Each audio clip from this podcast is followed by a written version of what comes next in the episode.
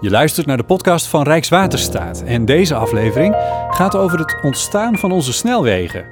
Mijn naam is Botte Jellema en ik ben in Zoetermeer, vlakbij de A12, samen met Bert Toussaint. Bert is historicus bij Rijkswaterstaat. In de 20e eeuw zijn de snelwegen in Nederland aangelegd en daar weet Bert natuurlijk alles van. Ja, we staan nu op het eh, plekje waar eh, het eerste stukje autosnelweg in Nederland is aangelegd. En dat is geopend op 15 april 1937. Dus meer dan 75 jaar geleden. En dat was het traject? Tussen Voorburg eh, en eh, Zoetermeer. En dus dat begon hier. En is het ook nog steeds daadwerkelijk het, het, de, de plek waar we nu staan, zo ongeveer de plek van waar die weg heeft gel- gelopen? Ja, het, het tracé van toen is nog precies hetzelfde als het tracé van nu. Als we nu hier naar buiten kijken en we kijken op de, op de A12 hier, zien we dan nog ongeveer wat we toen zouden hebben kunnen zien als we op deze plek waren geweest? Nou, een aantal elementen zie je inderdaad nog eh, terug. Met name eh, de gescheiden rijbanen. En die zijn al toen aangelegd. Eh, we hebben hier vier, nee, we hebben hier zes rijstroken. Dat is veranderd, want we zijn begonnen met vier rijstroken. Maar wat wel weer hetzelfde is, althans als je er even goed naar kijkt, eh, dat zijn eh, de ruimtes die we nu vluchtstroken noemen. En die zijn toen ook aangelegd, maar dan als parkeerstroken. Oh. En, en dat deed men ook, parkeren? D- Dat deed men ook, hè? dat was voor de, voor de recreatie. En eh, dat is iets typisch Nederlands. Dus we hebben daar een, een Nederlands tintje aan gegeven. Verder zien we verkeersverlichting, die was er toen nog niet. We zien ook ehm, vangrails. Eh, Rijkswaterstaat noemt dat geleiderails. Die, wa- die, die was er ook nog niet. Hè. Dat was gewoon een, een open berm. Ja. Dus dat is allemaal later toegevoegd. Dus die gescheiden rijwegen die waren er wel. Dus eh, eh, toen twee rijbanen, de ene kant op, twee rijbanen de achterkant op en een stuk, stuk gras ertussen. En een stuk gras ertussen. Ja. Daar moet je nu niet meer aan denken. Maar dat heeft misschien ook te maken met een ander groot verschil. Dat is namelijk dat er elke seconde hier wel een auto ongeveer voorbij komt. Ja, er, er waren toen veel minder auto's dan nu natuurlijk. En in 1920 reden er nog eh, 15.000 auto's rond in, eh, in Nederland. Maar dat begon al heel snel toe te nemen. En vlak voor de Tweede Wereldoorlog waren dat er 90.000. Maar goed, dat is natuurlijk nog een fractie van nu. Hè, want nu zijn er meer dan 8 miljoen. Als mensen mij nu zouden vragen van wie heeft de autosnelweg bedacht... eh, dan zou ik als leek eh, meteen komen met de autobaan in Duitsland... en de naam Hitler zou vallen. Hoe ver zit ik er dan naast? Ja, dan, dan zitten we er toch wel naast. Want eh, Toch wel. Eh, Hitler was niet de bedenker. Hij, hij liet dat eh, graag zich aanleunen, geloof ik. Maar wel is het zo dat, dat Hitler het potentieel van de, van de autobaan onmiddellijk herkende. En dus ook opdracht gaf om een heel groot autosnelwegennet te ontwikkelen. Maar hij was niet de eerste.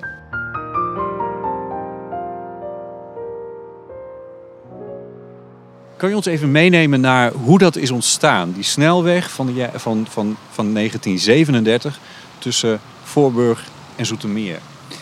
Ja, we hadden al sinds 1927 eh, een Rijkswegenplan. En, en dat was al een hele nieuwe aanpak, doordat je een plan maakte voor heel Nederland. Hè. Dus je wilde doorgaande Rijkswegen gaan, eh, gaan maken en ook gaan verbeteren en onderhouden eh, door heel Nederland heen. En daar kwam eigenlijk nog een, een tweede grote vernieuwing overheen en dat was die autosnelweg. En die autosnelweg is, is bijzonder omdat die alleen toegankelijk is voor motorvoertuigen, maar ook omdat hij gescheiden rijbanen heeft en hij heeft ongelijkvloerse kruisingen. Dus je kan alsmaar doorrijden. En eh, daar is heel veel over gediscussieerd, maar uiteindelijk heeft die autosnelweg het inderdaad gewonnen omdat eh, men zag, nou, die biedt veel meer verkeersveiligheid. Hè. Als je geen langzaam verkeer hebt, dan eh, kun je veiliger rijden. En als je alleen ongelijkvloerse kruisingen hebt, dan is dat is ook goed voor de, voor de veiligheid. Dus dat was een heel belangrijk argument om te, om te beginnen met die autosnelwegen. Dus in 1937, waar, waar reden de auto's toen overheen? Nou, toen eh, dit, dit eerste stukje snelweg eh, geopend werd, toen reden ze vooral eh, over beton en hier en daar een stukje klinkerweg. En beton was een uh, heel modern en nieuw uh, materiaal, dus dat, uh, dat leek sterk genoeg. En die klinker, dat, dat klinkt wat, wat, wat, wat vreemder. Maar dat werd vooral gepropageerd om de, de baksteenindustrie een duwtje in de rug te geven. En dat was natuurlijk een oer-Hollands product. Dat was een oer-Hollands product. En we zaten toen midden in de crisis, dus Hollandse producten die werden overal aangeprezen. nou kan ik me toch eigenlijk niks voorstellen bij een snelweg die uit klinkers bestaat. Hoe snel werd er gereden? Nou, dat begon al uh, behoorlijk toe te nemen. En zo een kilometer of 80 kon je al wel rijden. Oh, toch wel? Dus dat was, dat was echt wel behoorlijk snel. Het was ongekend snel voor die tijd, zeker. Ja. Ja, haalden auto's dat toen? Er waren auto's die dat konden halen, ja. Was het een maximumsnelheid? Nee, die bestond nog niet. Uh, de, de, heel lang heeft er helemaal geen maximumsnelheid bestaan. En die is eigenlijk pas ingevoerd door het kabinet ten Uyl in 1973. Juist.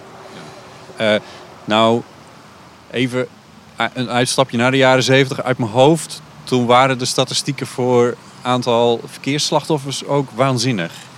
Ja, 3200 uh, verkeersdoden. Dat was echt waanzinnig. Hè? Vier keer wat we nu hebben ongeveer. Uh, dat is bijna vijf keer zelfs wat we nu hebben. We zitten nu uh, boven de 600. Hè? En eh, toen was dat dus bijna vijf keer zoveel. Als we in 1937 hier hadden, waren geweest, hier in Zoetermeer, dan hadden we gekeken op een ehm, een, een, een, een, snelweg in de zin van eh, gescheiden rijstroken. Twee rijbanen elke kant op. Um, en een middenberm met alleen maar gras. Uh, wat misschien niet de meest veilige manier is om motorvoertuigen die elkaar met 80 km per uur passeren uit elkaar te houden als er wat misgaat. wat is er sindsdien gedaan als het gaat om de veiligheid?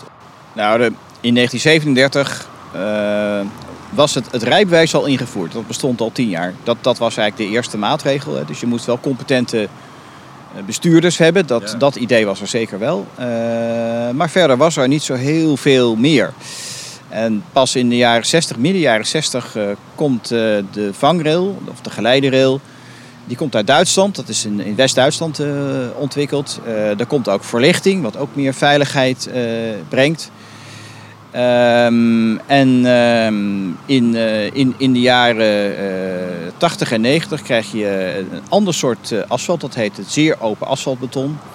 Met, ja, met wat poreuzer is en waardoor het water niet blijft liggen, maar beter afstroomt. Dus dat wordt steeds meer toegevoegd aan die snelweg om nog veiliger te maken. En dat eindigt dan met, voorlopig met die matrixborden die files aangeven en die dus ook het verkeer kunnen reguleren als het eh, heel erg druk wordt. Ja, maar natuurlijk ook niet in de, in de laatste plaats waarschuwen voor pas op, het staat hier verderop even stil.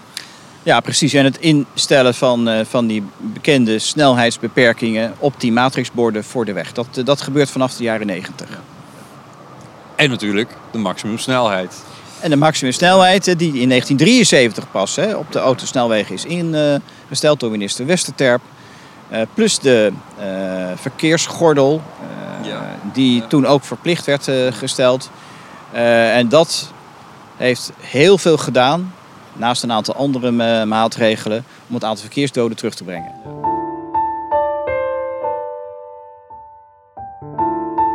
Dat snelwegen nu veel kosten, dat weten we. Maar toen het helemaal uit het niets gebouwd moest worden, was dat natuurlijk hartstikke duur. Ja, dat was natuurlijk uh, een heel heet uh, hangijzer. Uh, hoe moet je zo'n peperduur systeem gaan financieren, gaan betalen? En uiteindelijk kwam hij met de volgende oplossing. we gaan de koper van auto's belasten met een voertuig ehm, bij de aanschaf. En die voertuig gaan we belasten naar gewicht, wat eigenlijk nog steeds gebeurt. Uh, dat was een belangrijke financieringsbron. Maar er kwam nog een tweede bij. En dat was eigenlijk een heel saillant punt. Is dat dat uh, fietsers of rijwielen, zoals men dat toen zei, werden ook belast. En die, dus die moesten gaan meebetalen aan dat uh, wegensysteem. en nogal fors zelfs. Ja, hoe, hoeveel kostte, wat, wat, wat, kostte, wat was de fietsbelasting toen de tijd? Nou, die, die fietsenbelasting was een, was een paar gulden. Maar dat, die guldens waren wel andere euro's dan nu natuurlijk.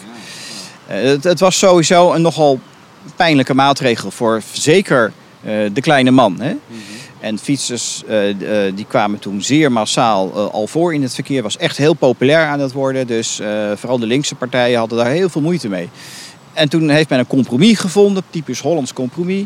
Nou, die fietsen moeten wel meebetalen, maar dan krijgen ze er ook een heleboel fietspaden voor terug. Dus toen zijn er naast die eh, wegen zijn er ook fietspaden aangelegd. Zo is het fietspad ontstaan. Nou, het, het fietspad bestond al, maar het, zo heeft de, de, het, het aanleggen van fietspaden wel een impuls gekregen. Is dat hier ook gebeurd tussen Zoetermeer en Voorburg? Ja, je kunt op oude foto's dus gewoon zien dat eh, naast die moderne snelweg er een fietspad loopt. En wederom zonder een vangrail ertussen. Nee, alleen een, een strookje groen. Het is natuurlijk, ja, je moet het echt van de grond af aan bedenken en opzetten allemaal. Ja, je moet bedenken, het, het was een totaal nieuw iets. Hè. Het was dus een, een hele grote innovatie waarbij je alles van de grond af aan moet bedenken. Dat is ook in internationaal verband gebeurd.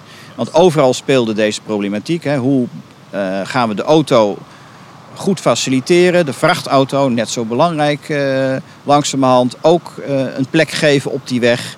Ja, dan moet je alles bedenken van eh, nieuwe verkeersregels, verkeersveiligheid, wegmaterialen, eh, voorrang, scheiding van verkeerssoorten komt aan de orde. Dat is gelukkig in internationaal verband heel goed gebeurd. En dat is ook een belangrijke reden waarom de verkeersborden in vrijwel alle landen ongeveer hetzelfde zijn. Blauw. Ja, blauw of eh, een, een, een, een, een, een, verbodsborden die, eh, die een, rode rand hebben.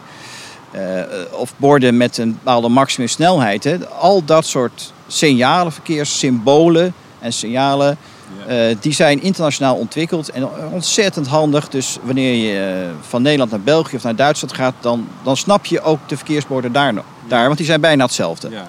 Ja, dus de- het idee van een rond bord, een rode rand en dan daar iets in, dat soort dingen. Dat, Ja. dat, Ja, precies, dat soort dingen. Ja. Je kan het je nu haast niet voorstellen dat het er anders uit zou zien. Maar het is ooit een keer bedacht. En bij dat bedenken zijn er ook allemaal wilde plannen naar voren gekomen. Kan je eens meenemen naar één zo'n zo'n variant van, van wat men bedacht had, wat het uiteindelijk toch niet is geworden? Ja, al, al vanaf de jaren twintig werden er hele eh, creatieve plannen ontwikkeld, hele gedurfde plannen gemaakt om eh, die autosnelweg te gaan ontwikkelen. En een van die varianten was, eh, we maken een, een snelweg op palen tussen Amsterdam en Rotterdam, dwars door de Randstad heen, dwars door het eh, weiland heen. En eh, daar kan je dus gewoon in één keer van A naar B rijden.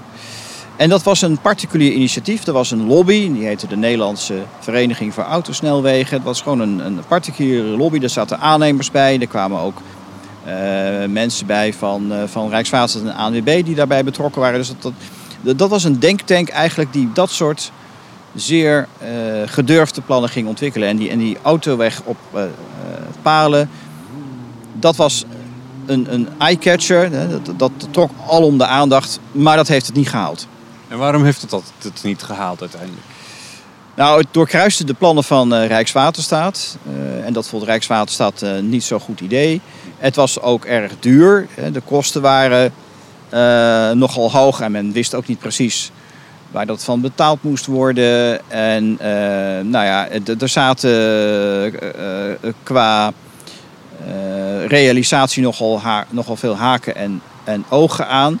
En eh, Rijkswaterstaat die zei, eh, laten we nou eerst maar eens die gewone verbrede Rijksweg eh, gaan uitrollen.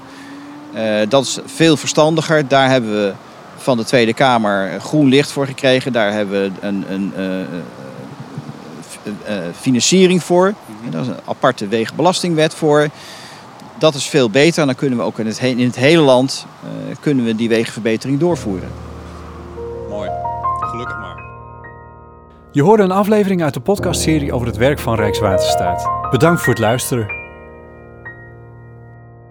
Als je deze aflevering leuk of interessant vond, deel hem dan met vrienden, familie en collega's. Of schrijf een recensie in iTunes, zodat anderen deze serie ook kunnen ontdekken. Alvast bedankt.